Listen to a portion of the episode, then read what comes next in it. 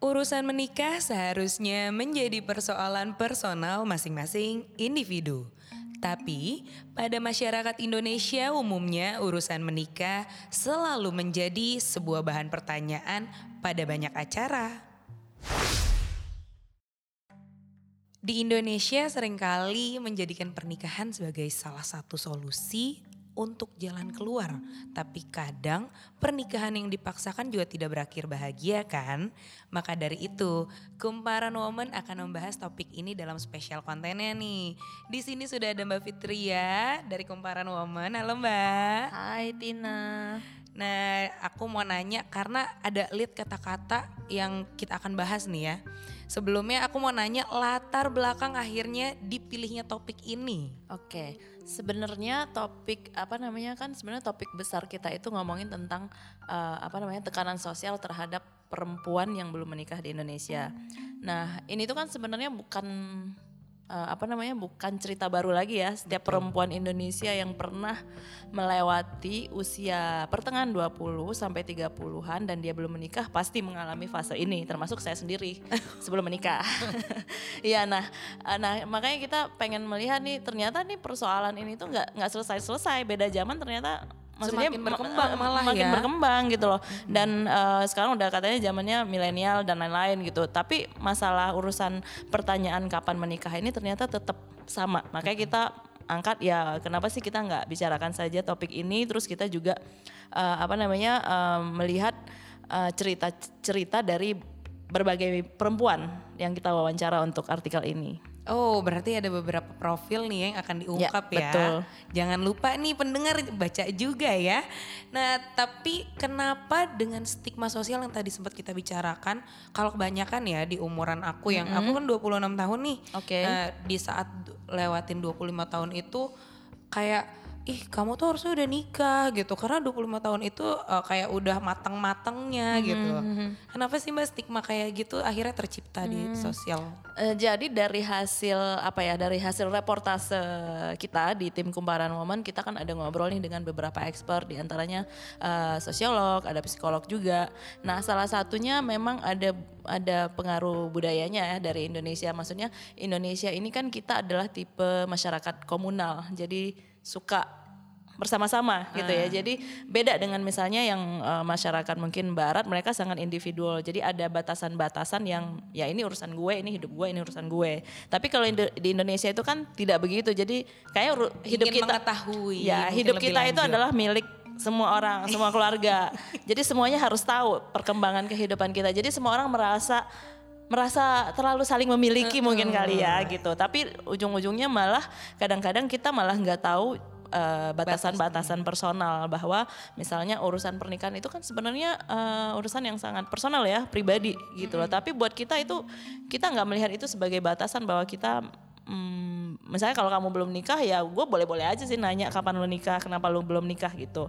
Padahal kalau misalnya di luar sana mungkin ada orang yang merasa oh ini ini pertanyaannya nggak sopan, uh -huh. lo ya lu nggak perlu tahu lah kapan gue mau menikah atau gue mau mau menikah atau tidak gitu. Jadi, jadi pertanyaan jadi ada ada pengaruh apa namanya itu per, pertama pengaruh budaya ya, pengaruh tipikal masyarakat kita. Terus kemudian tentu ada juga pengaruh bahwa uh, apa perempuan ini kan ada uh, kita kan ada fungsi reproduksi. Jadi uh, ada anggapan bahwa mungkin di usia produktif kita ketika uh, di usia produktif di usia tertentu itu uh, fungsi reproduksi kita masih bagus hmm. gitu. Tapi kalau mungkin menunggu terlalu lama mungkin ketuaan sehingga tidak mungkin fungsinya tidak sebagus ketika masih di usia tertentu. Jadi ada tekanan itu juga gitu loh uh, untuk usia tersebut bahwa lo harus menikah cepat dengan artian setelah menikah punya anak lagi subur dan lain-lain hmm. gitu. Jadi ada beberapa faktor sih sebenarnya kenapa di di kita ini menjadi urusan yang sangat uh, apa ya? Uh, pembahasan ya, utama pembahasan lah ya. Utama, ini gitu. kayak bahasa-bahasa basi nggak sih biasanya? Ya kan kalau iya. ketemu keluarga besar, iya. eh kapan nikah gitu. Iya. Kadang-kadang kan sebenarnya dianggap basa-basi ya mungkin awal-awalnya ketika kita masih usia berapa ya dua ketika ditanya itu mulai usia berapa sih? 24. Dua, oh iya, dua empat dua tiga itu 23 udah itu udah mulai ya, sih. udah mulai. Kamu sendiri udah ditanya? Udah. Karena udah mau mulai karir uh, sekitar umur 23 aku. Ah ya, berarti udah mulai ditanya ya. Uh -huh. Nah, awal-awalnya kan pasti menanggapinya kayak masih anggap basa-basi, masih Iya. dia dibawa ketawa ya kan, tapi selama-lama basa-basinya jadi basi banget ya kan. Kalau apalagi kalau udah bertahun-tahun tuh Udah oh, udah nggak kebanyakan. udah nggak lucu lagi gitu sebenarnya gitu. Iya sih kadang-kadang aku juga agak keberatan ya untuk ditanyain "Ke- kapan nikah loh itu urusan aku dengan ya nanti pasangan aku gitu ya. Aku mewakili nih ya ceritanya, mewakili wanita-wanita di luar sana atau pendengar-pendengar kita nih Iya. taunya yang mungkin merasakan yang sama. Iya, Aku coba mewakili ya ketika sudah berkarir dan memutuskan untuk mencapai puncak karirnya terlebih dahulu nih daripada sibuk mencari pasangan untuk menikah. Nah, ini kira-kira kita mewakilkan pendengar. Ada berapa banyak di Indonesia tuh? Semakin ke sini bisa dibilang makin banyak juga perempuan yang memilih untuk mengejar Karir, karir dulu, gitu. Kalau menurut Tina sendiri gimana teman-temannya? banyak yang menikah atau banyak yang berkarir duluan? Kalau lagi liatin Insta Stories ya Mbak nge-swipe swipe dikit Ada banyak baby. anak kecil. Anak kecil. Kalau enggak pernikahan tuh kalau lagi weekend. Kalau kembali ke pertanyaan awal sebelum aku memperkenalkan Mbak Fit nih. Aku pribadi mau nanya apakah menikah itu adalah sebuah jalan keluar untuk kebahagiaan sih Mbak? Hmm. Kalau dari cerita-cerita profil Oke, yang ada. sebenarnya kan kalau aku percaya sih kadang-kadang kata-kata klise ya, bahagia itu kan relatif ya. Dan ukuran kebahagiaan buat setiap orang tuh kan berbeda-beda. Nggak bisa bilang mungkin buat satu orang ini uh, ukuran kebahagiaannya dia adalah memiliki pasangan, punya anak dua, tiga, punya rumah, punya apa gitu kan. Mungkin untuk si A, mungkin buat si B enggak. Buat si B adalah gue harus punya karir yang tinggi, gue harus bisa traveling uh, keliling dunia, Ke mana-mana. gue harus punya karya gue sendiri, gue harus punya rumah gue sendiri. Yang ketiga mungkin buat dia kebahagiaannya adalah uh, apa ya bisa selalu dekat dengan orang tua, bisa apalah gitu. Uh, kalau aku sih percaya bahwa uh, kebahagiaan itu setiap untuk setiap orang berbeda. Dan pernikahan tidak selalu jadi jawaban gitu kan. Tapi mungkin secara nature-nya human atau manusia itu menurutku at the end of the day kita apa sih yang kita butuhkan dalam hidup? Buat aku salah satunya penting cinta pasti. Betul. cinta amin. Eh, cinta itu nggak cuma dari keluarga pastinya tapi cinta dalam kehidupan berpasangan itu penting. Tapi eh, again maksudnya kita nggak bisa langsung mengatakan bahwa cinta itu means pernikahan. Nggak juga kan? bisa macam-macam. Kadang-kadang orang mau pacaran lama dulu. Karena eh, apa eh, mau menjalani dulu mau pacaran 10 tahun ya bebas aja gitu kan. Eh, apa namanya? Nah mungkin nanti one day dia memutuskan pernikahan. Jadi kalau misalnya pertanyaannya adalah apakah pernikahan merupakan kunci kebahagiaan? Menurutku itu berbeda buat setiap orang. Iya. gitu Betul banget. Kalau aku sendiri kebahagiaannya adalah ngoleksi sepatu. oke baik. Jadi kalau ada berapa dibilang- koleksi sepatunya? Kalau misalnya dibilang aku harus punya pasangan biar bahagia. Ada rasa-rasa Hmm. pengen punya pasangan. Iya mungkin yang pendengar kita juga ada ya yang pengen kayak ya biar kelitik-kelitik lucu ada yang nanyain lagi apa gitu ya. Tapi kalau buat langsung menikah eh, menurut aku mungkin ada timbangannya masing-masing ya Iya iya iya. Kan kan gini loh kadang-kadang orang itu suka menjudge aja ya eh, tanpa tanpa eh, tanpa tahu kan latar belakang kita seperti apa gitu kan. Setiap orang juga pasti ada punya ada pertimbangan finansial mungkin atau mungkin dia merasa secara emosional belum siap gitu kan.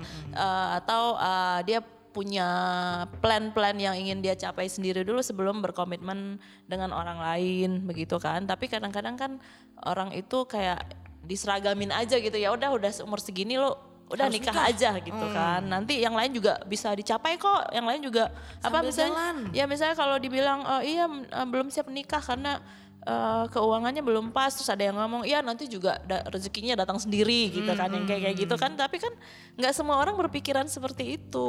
Dan kita nggak bisa memaksakan pemikiran kita sama orang lain gitu. Betul banget. Nah sekarang yang terakhir tips dong mbak biar cara jawab yang sopan gitu. Kalau orang-orang misalnya, eh kamu kapan nikah?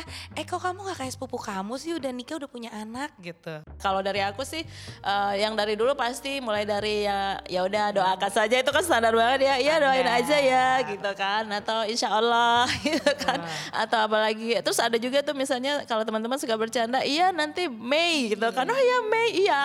Mei-nya nggak tahu tahun Maybe. kapan ya maybe. Jadi sebenarnya aku nggak bisa ngasih tips yang apa ya yang yang buat teman-teman saya uh, saya yakin deh uh, udah pasti punya jawaban sendiri-sendiri. Uh, karena aku juga uh, mencoba berbagai cara selama uh, selama bertahun-tahun untuk uh, menghadapi ini. Tapi anyway, Edian ya udah uh, gini. Kadang-kadang kita ber, berpikir bahwa seiring berjalannya waktu mereka akan mereda sendiri, tapi ternyata nggak juga loh gitu. Enggak. Jadi uh, buat aku aku kembalikan masing-masing ke pendengar aja pasti punya cara sendiri-sendiri. Tapi intinya gini sih kalau dari aku message-nya nanti yang dari artikel kita adalah uh, no matter what people say to you, apa pun yang mereka tanyakan, mereka mau uh, kapan nikah, uh, uh, tar keburu apa, keburu nggak dapet jodoh, ngejar karir mulu. Buat aku sih teman-teman nggak perlu dengerin Kata-kata itu, itu. gitu. Maksudnya jangan sampai tertekan gitu. Percaya dengan pilihan kita sendiri bahwa kalau memang kita belum merasa siap buat menikah ya ya udah jangan dulu, jangan cuman karena uh, bosen ditanyain keluarga ya udah deh gue nikah aja ya jangan sampai begitu gitu loh. Jadi tetap firm sama pilihan kita sendiri. Uh, kalau kita memang pengen berkarir dulu atau kita pengen melakukan apa pun yang kita inginkan ya tetap jadi jangan sampai terpengaruh oleh tekanan-tekanan di sekitar kita gitu. Tuh go ahead apa pun yang lagi uh, kamu lakukan atau kamu perjuangkan ya mungkin ada juga yang lagi ngedengerin terus memperjuangkan pernikahannya mungkin Iya, ya. iya bukan berarti juga kita bukan anti pernikahan ya. Hmm. Ini kita intinya bahwa kita menghormati pilihan uh, masing-masing Masing-masing, perempuan, tapi yang uh, yang ingin kita soroti adalah bahwa menurut kita tidak seharusnya orang lain, maksudnya masyarakat itu kayak ayo ayo deh kita kita kita apa ubah uh, Cara cara, pola pola pikir kita bahwa maksudnya pertanyaan kapan menikah itu tuh nggak selalu sebasa-basi Iya sebasa-basi itu. Buat orang lain mungkin itu menjadi suatu pertanyaan yang sangat penting gitu yang bikin Iya. dia stres atau apa. mungkin Ya, kan. gitu jadi Uh-uh. tidak sesimpel itu sebenarnya. Jadi kalau misalnya yang kebiasaan bertanya seperti ini mungkin mulai dipikirkan lagi mungkin bisa nanya hal-hal yang lain masih banyak pertanyaan lain yang bisa Iya. ditanyain Oke deh intinya menikah bukanlah hal yang harus diburu-buru atau dipaksakan. Menjalani hidup dengan sendiri bukan berarti kita tidak akan bahagia. Tunggulah sampai orang yang tepat datang dan menjadi pendamping setia seumur hidup hingga tua.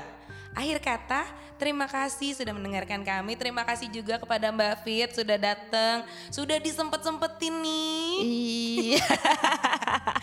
Ada mi campaign apa eh, merayakan pilihan hidup buat Yeay, perempuan. Ini kita merayakan ya. Oke, terima kasih banyak ya Mbak Fit. Sama-sama, Kita berdua Tina. pamit dulu ya. Bye-bye. Bye. Sekian dulu podcast kali ini. Agar tidak ketinggalan podcast seru selanjutnya, follow Spotify kita, Cerita Kumparan. Dan terima kasih telah mendengarkan podcast Cerita Kumparan. Bye now.